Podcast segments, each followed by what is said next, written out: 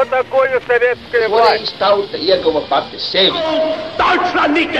Liktenīgas nejaušības un slēptas likumsakarības, subjektīvas patiesības un objektīvi aizspriedumi. Pēc atkušņa nekad nenāk uzreiz pavasars, bet sākās Arī šodien cilvēki ir ļoti tuvredzīgi. Viņi redz to naudu, kas ir. Televīzijā jau pamatā notiek cīņa par varu. Pagātne no šodienas skatu punkta un šodienas caur pagātnes prizmu. Raidījumā šīs dienas acīm. Katru svētdienu Latvijas radio eterā Eduards Liniņš. Labdien, cienījamie klausītāji! Šobrīd simts gadi mūs šķir no laika, kad apvērsums Krievijā 1917. gada 25. oktobrī pēc vecā, jeb 7. novembrī pēc jaunā stila, noveda pie varas bolševiku partiju ar Vladimiru Ļeņinu priekšgalā. Šis notikums aizsāka totalitārās padomju lielvalsts veidošanos un tādējādi ietekmēja visu 20. gadsimta vēstures gaitu. Kā varēja notikt? Notikt, ka 1917. gadā Krievijas monarhija, pastāvējusi simtiem gadu, sabruka dažās dienās.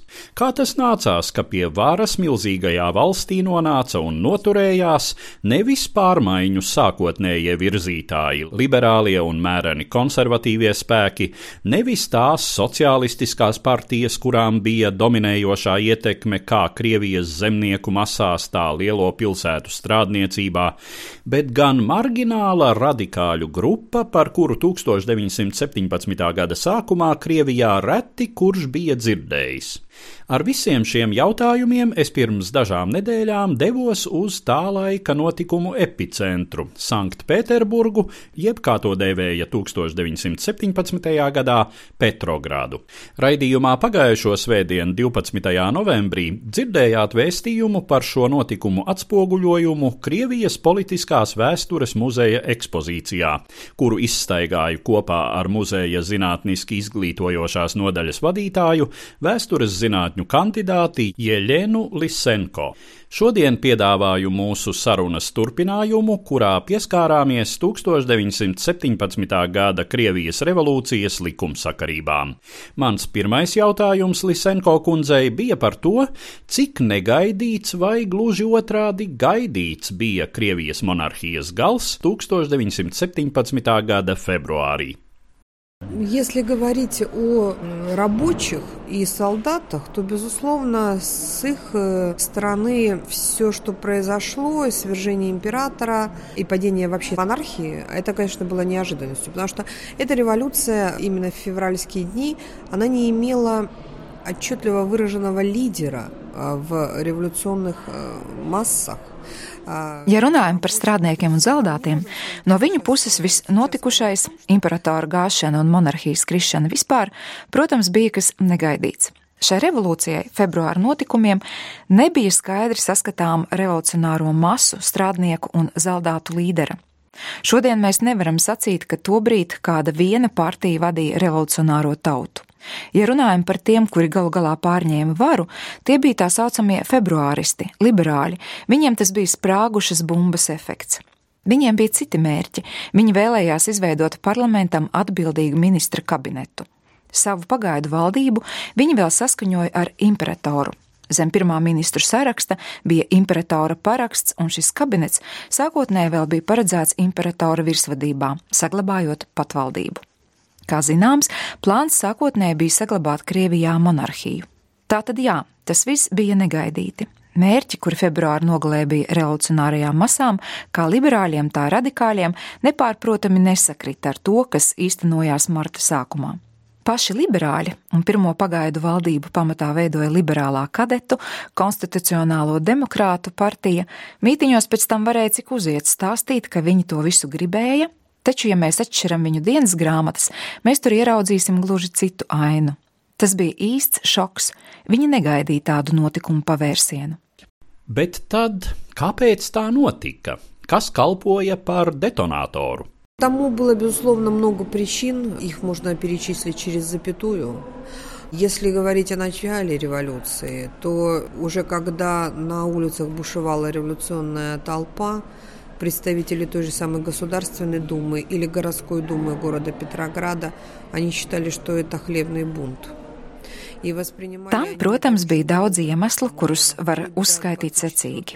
Ja runājam par revolūcijas sākumu, tad, kad ielās jau trakoja revolucionārais pūlis, Krievijas valsts domas un Petrogradas pilsētas domas pārstāvi to joprojām uzskatīja par maizes trūkumu izraisītu dumpi. Un tā viņi to uzlūkoja ļoti ilgi, vismaz līdz 24. februārim. Ietekmīgākie Krievijas politiķi neuztvēra notiekošo kā revolūciju. Tikai ap 25. un 26. februāri no attiecīgajām tribīnēm sāk atskanēt izsaucieni par to, ka mēs laikam nesaprotam, kas notiek. Tas ir revolucionārs process. Viens no iemesliem ir stihiskums maizes trūkuma sakarā. Tā šķiet viss sākās. Tālāk jau sacēlušos strādniekus nesaudzīgi aģitē sociālistiskās partijas, kuras nezaudē orientāciju šajā revolūcijas jūrā un tūdaļ sāk aģitāciju strādnieku sagatavošanai. Savukārt strādnieki turpinājumā sāģitēs karēvis un matrožus. Tātad sociālistiskās ideoloģijas pārstāvji orientējās notikumos ļoti ātri, darbs armijas daļās un rūpnīcās un fabrikās jau notika, un tobrīd tika vēl pastiprināts. Situācija tika burtiski dzīta līdz galam, vēl neliels spiediens un politiskie lozungi jau kļuva par galvenajiem. Ja runājam par tā laika liberāļiem, tad, kā jau teicu, viņu sākotnējie uzstādījumi paredzēja samērā nelielas izmaiņas esošajā valsts iekārtā. Taču jāsaka, tikko viņi sajūta, ka ir iespēja tikt vaļā no monarhijas vispār, viņu vairums šo ideju atbalstīja. Tur, protams, bija personiskas ambīcijas. Piemēram, valsts domas deputāts Aleksandrs Ivānovičs Gučkovs turēja ļaunu prātu uz Nikolai II. Savulaik viņa attiecības bija sabojājušās, un Gučkovs vēlējās šī konkrētā imperatora gāšanu. Katrs savu vēlmju robežās izmantoja šo sniega bumbu, kas veļoties auga lielumā. Ja sociālisti izveidoja Petrogradas strādnieku un zaldātu padomi, tad liberāļi, atsakoties no monarhijas, izveidoja pagaidu valdību. Droši vien var teikt, ka līdz ar cāra atteikšanos no troņa pavērās milzīgas politiskas iespējas, taču atbildības, kura var izveidoties tikai ilgstošā pilsoniskās sabiedrības veidošanās procesā, tādas trūka. Если мы посмотрим э, на работу Временного правительства первых месяцев, они сами это хорошо описывают, мы с вами понимаем, что это работа дилетантов. Это люди, которые спят на рабочих местах в шубах, они заседают с утра до ночи, они заносят каждое свое слово в протокол, потому что они боятся некой ответственности перед народом, что им нужно будет отчитываться. Они думали скорее даже, наверное, о том, как они будут перед кем-то отчитываться, чем о том, какие результаты будут у их решений. Ja mēs paraugāmies uz pagaidu valdības darbību tās pirmajos mēnešos, kur viņi paši pamatīgi apraksta, tad mēs saprotam, ka tā ir diletantu darbošanās. Tie ir ļaudis, kuri kažokos nakšņo savās darba vietās, pavada sēdēs laiku no agra rīta līdz vēlai naktī, katru savu vārdu viņi ierakst protokolā, jo baidās no kādas atbildības, kuru no viņiem varētu pieprasīt tauta. Viņi laikam gan drīzāk domāja par to, ka vajadzēs kādam atskaitīties, nevis par to, kādi būs viņu lēmumu rezultāti. Kerenska atmiņās ir ļoti interesanta frāze. Viņš bilst, ka pusi dienas veltīs jautājumam par kādu zemnieku, kurš no pareizticības pārgājis islāmā. Tas ir pagaidu valdības ministrs, kurš nodarbojas ar šādām lietām. Tātad nepārprotami diletanti. Vispār Krievu inteliģences diletantisms tobrīd cita augstu vilni, un jau kopš 1906. gada, kad sāka darboties pirmā Krievijas valsts dome. Pirmie domas sēžu protokoli rāda, ļaudis nespriež par to, kas būtu darāms, viņi to nesaprot. Viņi spēj tikai kritizēt varu. Bet, kad šī vara 1917. gadā nonāca viņu rīcībā, kritizēt vairs nebija jēgas. Vajadzēja ņemt šo varu savās rokās, bet tas izdevās tikai ar lielām grūtībām. Pie tam tā valdība, kura izveidojās pēc februāra revolūcijas, ļoti labi apzinājās savu atrautību no tiem, kuri to pie šīs varas bija noveduši. Lai cik arī nebūtu runu par februāra politisko sazvērstību, pagaidu valdību pie varas noveda tikai un vienīgi revolucionārā tauta. Un ir šī savādā situācija, kad liberālajai valdībai, kura pamatā sastāvēja, kā teica padomju laikā, no buržujiem un inteliģentiem, faktiski nebija nekādas saiknes ar tautu. Visu 1917. gadu ir runa par divu valdību Tā tiesa ir Leņķina izdomāta frāze, taču tajā ir sava daļa patiesības. Nevelti pagaidu valdībai bija vajadzīgs sociālists Kerenskis, kurš bija vienojošais posms starp šo valdību un Petrogradas strādnieku un zaldātu padomi. Absurdā situācija, kad valdība neprot valdīt, nejūt kādu savu sociālo bāzi un jūsu jau pieminētais pieredzes trūkums, noveda pie šīs valdības daudzajām krīzēm Kā tā brīža Krievijas lielie sociālie slāņi iespaidoja šo procesu ar savu tiecību, savu pozicionēšanos pret nozīmīgākajiem politiskajiem jautājumiem, jautājumu par zemi, jautājumu par karu un tā tālāk. Ну, безусловно, главным как и должно быть в крестьянской России, главным действующим лицом здесь выступает крестьянская масса. На мой взгляд, крестьяне и солдаты – это в то время знак равенства между двумя этими понятиями. И... Nepārprotam, Krievijā, kā jau agrārā valstī, galvenais darbības subjekts šeit ir zemnieku masas. Es uzskatu, ka to brīdi starp zemniekiem un zaldātiem ir liekama vienlīdzības zīme. Viņus interesē divi jautājumi - par zemi un par karu. Nevelti Bolševiks savā politiskajā programmā iekļāva zemniecības jautājumu, kura tur sākotnēji visumā ņemot nebija. Bolševiki to pārņēma no sociālistiem revolucionāriem jeb eseriem, kas bija zemniecības partija. Revolūcija taisīja pamatā zemnieki zaldātu šineļos. Joprojām, manuprāt, nav līdz galam atbildēts jautājums, kāpēc tieši to brīdi Krievu karavīram pāriet vēlēšanās karot. Lai cik nerunātu par to, ka karš bija ieildzis, ka nebija skaidrs, par ko karo, taču Krievijas vēsture mums sniedz daudz piemēru, kad tika karots nezin par ko - Krimas karš, Krievu turku kari, Krievu japāņu karš, Sacīt, ka tikai tādā karā kā 1812. gada Tēvijas karš, kad ienaidnieks jau ieņēmis pusi valsts, Krievu karavīrs ir gatavs karot, ir, manuprāt, apšaubāms apgalvojums. Vienīgi ar jaunajām karošanas metodēm varētu izskaidrot atteikšanos turpināt cīnīties Pirmajā pasaules karā. Kara vēsturnieki labi apraksta Krievu karavīra psiholoģisko traumu, un ne tikai Krievu karavīra. Jāsaka, kad vēlāk Krievu militāristu delegācijas tikās ar saviem franču kolēģiem, franči teica: Jābrīnās, ka pie mums nenotika revolūcija. Francijā situācija ar karavīriem tāpat bija ļoti saspringta. Tātad zemnieks, kam rokās ir ierocis, kurš labi apzinās, ka jau rīt viņu var nosūtīt uz fronti, kurš saprot, ka mājās viņa ģimene badojas un zemes īpašuma jautājums nav atrisināts, Visi šie motīvi mudina šo Petrogradā izvietoto rezerves bataljonu karēvi satuvināties ar revolucionārajiem strādniekiem. Tātad, runājot par zemniekiem un zaldātiem, viņiem bija pilnīgi noteikti mērķi - izbeigt karu un tikt pie zemes. А вот с рабочими, конечно, ситуация несколько иная.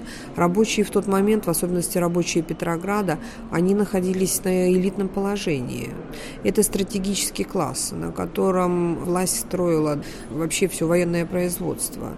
И они понимали свои силы, они понимали, что они могут konce konцов šantažировать власть.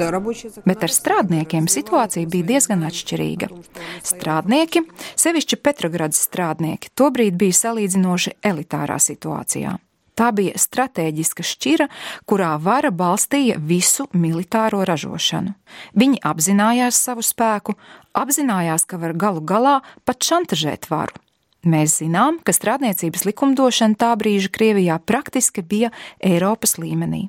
Nav pamata teikt, ka strādnieki, sevišķi lielo rūpnīcu strādnieki, tobrīd būtu bijuši beztiesīgi vai slikti materiāli nodrošināti. Taču šī savas nozīmības apziņa un sociālistisko partiju aģitācija noveda pie tā, ka strādniecība atbalstīja proletariāta diktatūras ideju. Viņi bija tā šķira, kuru izvēlējās revolūcija, sevišķi jau oktobrī. Tad tie vairs nebija zemnieki un kareivi, bet tieši strādnieki. Ļeņins viņiem bija paredzējis elites šķiras likteni, un tas jo īpaši bija iemesls viņu aktīvai dalībai revolūcijas procesā. Ja runājam par liberāļu mērķiem, tad viņu sens sapnis bija Anglijas valsts varas forma. Viņu ideāls bija cara nomaiņa. Tieši Nikolais Aleksandrovičs Romanovs viņiem bija netīkams. Bet jāsaka, ka arī Romanovu ģimenei revolūcijā bija savi mērķi. Un lai kā lielkņazi pēc tam emigrācijā liedzās un centās atkritīties no tā, ka paši bija staigājuši pa ielām ar sarkanām lentām pie krūts un kāruši sarkanos karogus pie savām pilīm, mēs taču ļoti labi saprotam tā brīža psiholoģiju. Un no liela skaita avotu mēs redzam, ka viņi gribēja, lai Nikolais aiziet. Lai aiziet tieši šis imperators, Es domāju, ja būtu spērti vien daži soļi citā virzienā, monarhija tiktu saglabāta. Runājot par bolševikiem, viņi taču parādījās arī, var teikt, pēkšņi un ne no kurienes. Revolucionārajā emigrācijā viņus vēl daudz maz pazina, taču pašā Krievijā tā šķiet bija pavisam margināla grupa. Да, после Первой русской революции большевистская партия потеряла очень большой процент своих членов, потому что ну, мы знаем, что э, и разгромы были большие большевистского этого течения, ну и кроме того, многие успокоились, потому что многие шли от рабочего, от рабочего состава, и там были на уступки, да, правительство по многим вопросам пошло.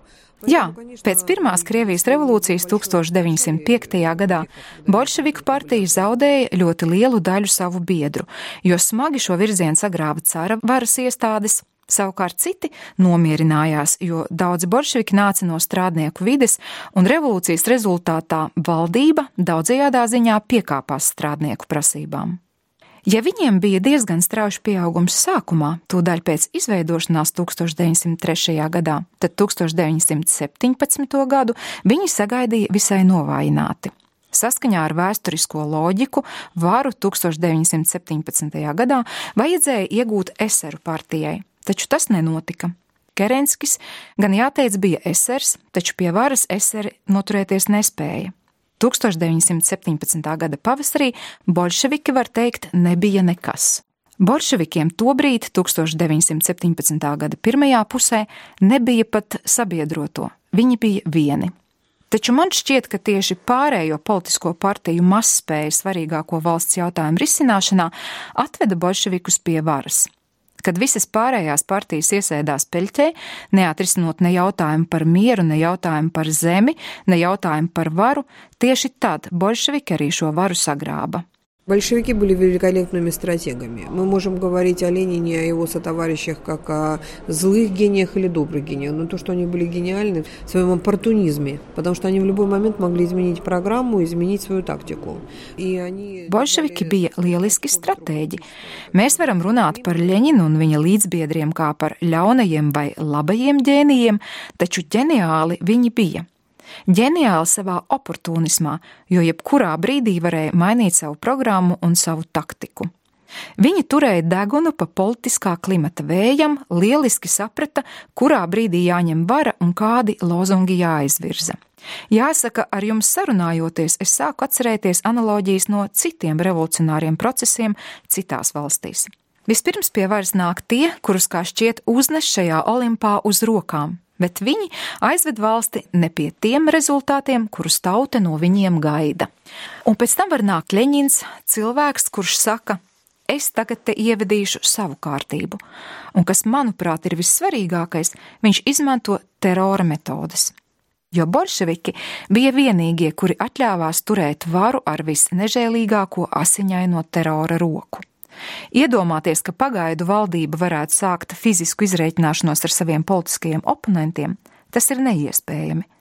Nāves soda atcelšana, politiskā amnestija, visi šie pasākumi bija labi revolucionārās romantikas periodā, taču, kad tev jānotur vara, tad nevienā revolūcijā nekur pasaulē mēs neko tādu neredzam.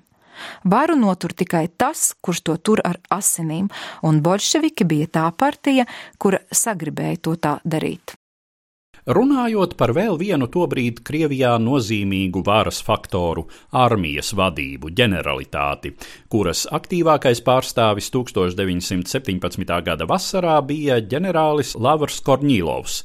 Kāpēc armijai tobrīd neizdevās pārņemt varu Krievijā? Ситуация на этот период, к 17 году, такова, что с одной стороны хорошо, с другой стороны плохо, но армия была совершенно аполитична.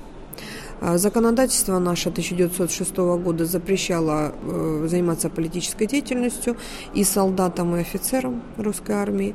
И сейчас все историки в один голос говорят о том, что когда наступил момент отречения Николая от престола, русский генералитет находился, и не только генералитет, а вообще офицерство, они находились в совершеннейшем неведении по поводу того, а что будет, собственно, дальше, и кто эти люди, которые собираются прийти к власти. Они были настолько... 1917. Gadā bija situācija, kas no vienas puses bija pozitīva, bet no otras negatīva. Armija bija pilnīgi apolitiska. 1906. gadā pieņemtā likumdošana aizliedza kā Krievijas armijas kareiviem, tā virsniekiem iesaistīties politiskā darbībā. Šobrīd visi vēsturnieki vienā balsī saka, ka brīdī, kad notika Nikolai II atteikšanās no troņa, visa Krievijas virsniecība bija pilnīgā neziņā par to, kas notiks tālāk un kas ir tie ļaudis, kuri grasās nākt pie varas. Viņi bija tik attālināti no jebkurām politiskajām partijām, ka sagaidīt no viņiem prasmi lavierēt starp tautas masām, kuras jau tobrīd bija dažādi ideoloģiju varā, bija neiespējami. Cita starpā ļoti liela loma šeit bija pavēlē numur viens šim avantūriski izdotajam rīkojumam, saskaņā ar kuru virsnieki armijā vairs nebija hierarhiski augstāki par kareiviem. Avantūrisms ir faktā, ka gan pagaidu valdība, gan Petrogradas strādnieku un zaldātu padome vēlāk no šīs pavēles centās atkritīties, taču pavēle tomēr nāca klajā ar Petrogradas padomes parakstu, un pagaidu valdība to faktiski atbalstīja. Šī pavēle, kas parādījās pavasarī, līdz vasarai, kad Korņīlaus grasījās pārņemt varu, bija praktiski iznīcinājusi armiju. Tāpēc Korņīlovam nebija īpaši daudz iespēju atrast karaspēku, kas būtu gatavs piedalīties šajā viņa konservatīvajā revolūcijā, kā to vēlāk nodēvēs. Kā vēlāk izteicās ģenerālis Deņīkins, pavēle numur viens bija iznīcinājusi armiju, vairs nebija ar ko iet cīņā pret revolūciju. Un nevajadzētu aizmirst arī par jau pieminēto revolucionāro romantismu, kura varā bija nevien pagaidu valdības locekļi, bet arī tautas masas. Cik viegli visi ļāvās lozungam, kas par Korņīlavu, tas pret revolūciju. Revolūciju saprata kā kādu amorfu kustību. Tobrīd vairs nebija skaidrs, kas šo revolūciju vada. Sarkano gvardi vada bolševiki, pie varas esošajā pagaidu valdībā dominē eseri.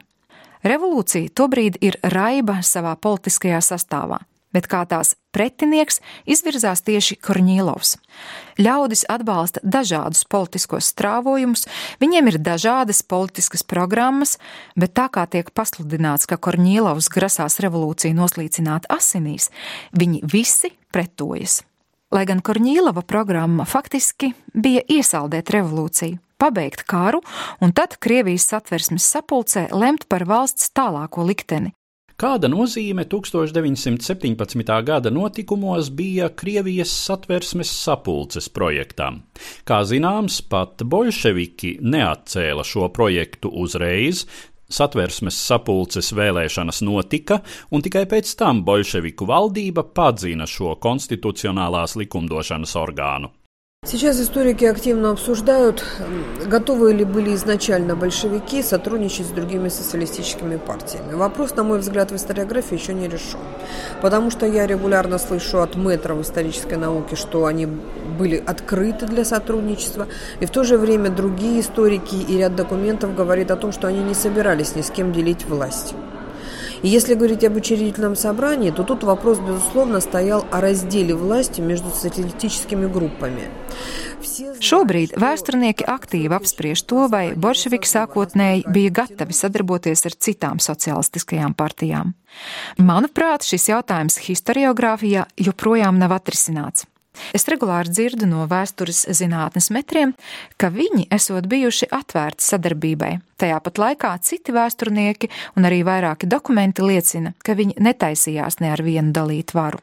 Ja mēs runājam par satversmes sapulci, tad tur jautājums pilnīgi noteikti bija par varas sadalīšanu starp sociālistiskām grupām. Visi saprata, ka tā kā satversmes sapulces sasaukšanas termiņi ir tik ļoti ievilkušies, ka tā sanāks tikai 1918. gadā, tad liberāļi tajā lielu balsu skaitu neiegūs. Ja mēs palasīsim tā laika kadetu līderu dienas grāmatas, viņi saprata, ka šī sapulce kadetiem jau ir lieka. Visi nesociālistiskie spēki uz šīm vēlēšanām gāja tikai inerces pēc, un arī ja kaut kur uzvarēja, īpaši nepriecājās, jo saprata, ka vairākums būs sociālistiem. Visieinteresētākā šais vēlēšanās, protams, bija Eseru partija. Viņi zināja, ka uzvarēs, viņu pusē bija lauki, Bolševiki laukos, provincē, tobrīd bija nepopulāri. Tikai ar bruņotu spēku sagrābjot varu, viņi spēja to pārņemt visā Krievijā. Taboļskā, kur tika turēta cara ģimene, vēl daudzus mēnešus pēc oktobra apvērsuma pie varas joprojām bija pagaidu valdība. Tauta tur neatbalstīja bolševikus, un viņi nekādi nespēja gāzt turienes pagaidu valdības komisāru. Tātad eseri Šie zemnieku sociālisti, kuri 1917. gada otrajā pusē dominēja pagaidu valdībā, kuri uzvarēja satversmes sapulces vēlēšanās, bija galvenie ieinteresētie šīs sapulces darbībā. Pēc tam, kad bolševiki ar bruņotu spēku 1918. gadā padzina sapulci, eseri uzsāka bruņotu pretošanos. Samārā izveidotā satversmes sapulces komitejas jeb komuča valdība, kas kļuva par vienu no galvenajiem pretbolševiku spēkiem Krievijas pilsoņu karā, pamatā sastāvēja no eseriem. Arī bolševikiem satversmes sapulcē bija daudz vietu, taču, manuprāt, bolševiki negrasījās apspriest valsts likteni ar tām partijām, kuras tā arī nebija spējušas sevi realizēt pagaidu valdībā. Kā ir ar latviešu faktoru oktobra apvērsumā? Populārā līmenī joprojām nākas dzirdēt, ka bolševiki esot nākuši pie varas teju vai uz latviešu durkļiem. Ko par to saka vēstures zinātne? Большевики э, смогли победить э, фактически во всех национальных правительствах позднее. Латыши являются не исключением, а скорее ярким примером этого правила.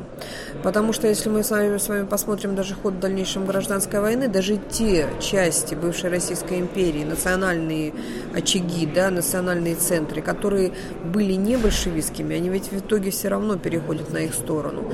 По одной простой причине, потому что только Ленин поддержал из всех политических партий в России призыв Вильсона, президента, о самоопределении народов.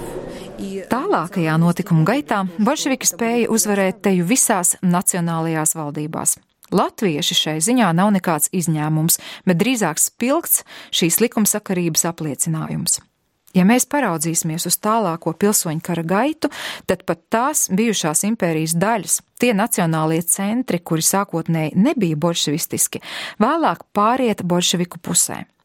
Aizvien vienkārša iemesla Ļeņins bija vienīgais no visiem Krievijas politiskajiem spēkiem, kurš atbalstīja ASV prezidenta Vilsona aicinājumu uz tautu pašnoteikšanās tiesībām un mazākuma tautības noticēja, ka pašnoteikšanās tiks piešķirta. Katrā ziņā viss Kaukās ļāvās šai aģitācijai, tam noticēja Ukraiņi, kas vēlāk jau Padomju Savienības partijas kongresos Staļinam teiks, ka viņi ir nacionālisti un gaidījuši pavisam citu nacionālo politiku.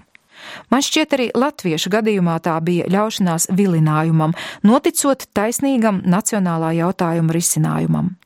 Padomju vēstures zinātne mitoloģizēja tieši latviešu strēlniekus, bet, ja man jautātu, kura nacionalitāte visvairāk veicināja bolševiku nākšanu pie varas, tad es teiktu, tie bija Somi. Ļeņina tuvāko līdzgaitnieku lokā bija milzums somu sociālistu. Tieši viņi Ļeņinu glāba, viņi viņu apsargāja, viņi viņu pavadīja uz Smoļniju pirms oktobra apvērsuma, un galu galā Somija no visām bijušajām Krievijas impērijas provincēm salīdzinoši vissekmīgāk arī ir realizējusi savas nacionālās intereses. Tātad latviešu pozīciju noteica nacionālais jautājums, kā arī jautājums par karu. Bolševiki bija vienīgā partija, kas šo jautājumu risināja populistiski, vienkārši, primitīvi un skaidri. Nelielākā daļa eseru, ne kadeti, ne oktobristi, ne progresisti nebija gatavi nekavējoties pārtraukt kara darbību, pieņemot Vācijas piedāvātos noteikumus. Bolševiki to izdarīja. Tāpat viņi apsolīja zemi tūlīt, bet nepaskaidrojot, kādā veidā. Zemi tautai. Kas tas būs? Nacionalizācija, socializācija. Skaidrības nebija, bet bija lozungs. Tas pats bija par tautu pašnoteikšanās tiesībām. Tas bija lozungs, bet pilnīgi nebija skaidrs, ko tad saņems tauta, kura izrādīsies gatava karot šo lozungu izteikušās valdības pusē. Tā, kas stāstā par latviešiem kā revolūcijas taisītājiem, ir divi elementi - latviešu strēlnieku mitoloģizācija padomi laikā un ļoti daudzveidīgā dažādu nāciju līdzdalība bolševiku varas iegūšanas procesā.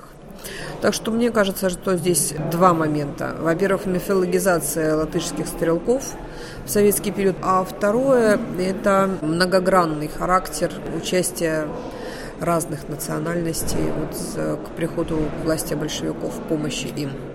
Līdz ar to izskan mana saruna ar Krievijas politiskās vēstures muzeja zinātniski izglītojošās nodaļas vadītāju Jeļenu Lisenko.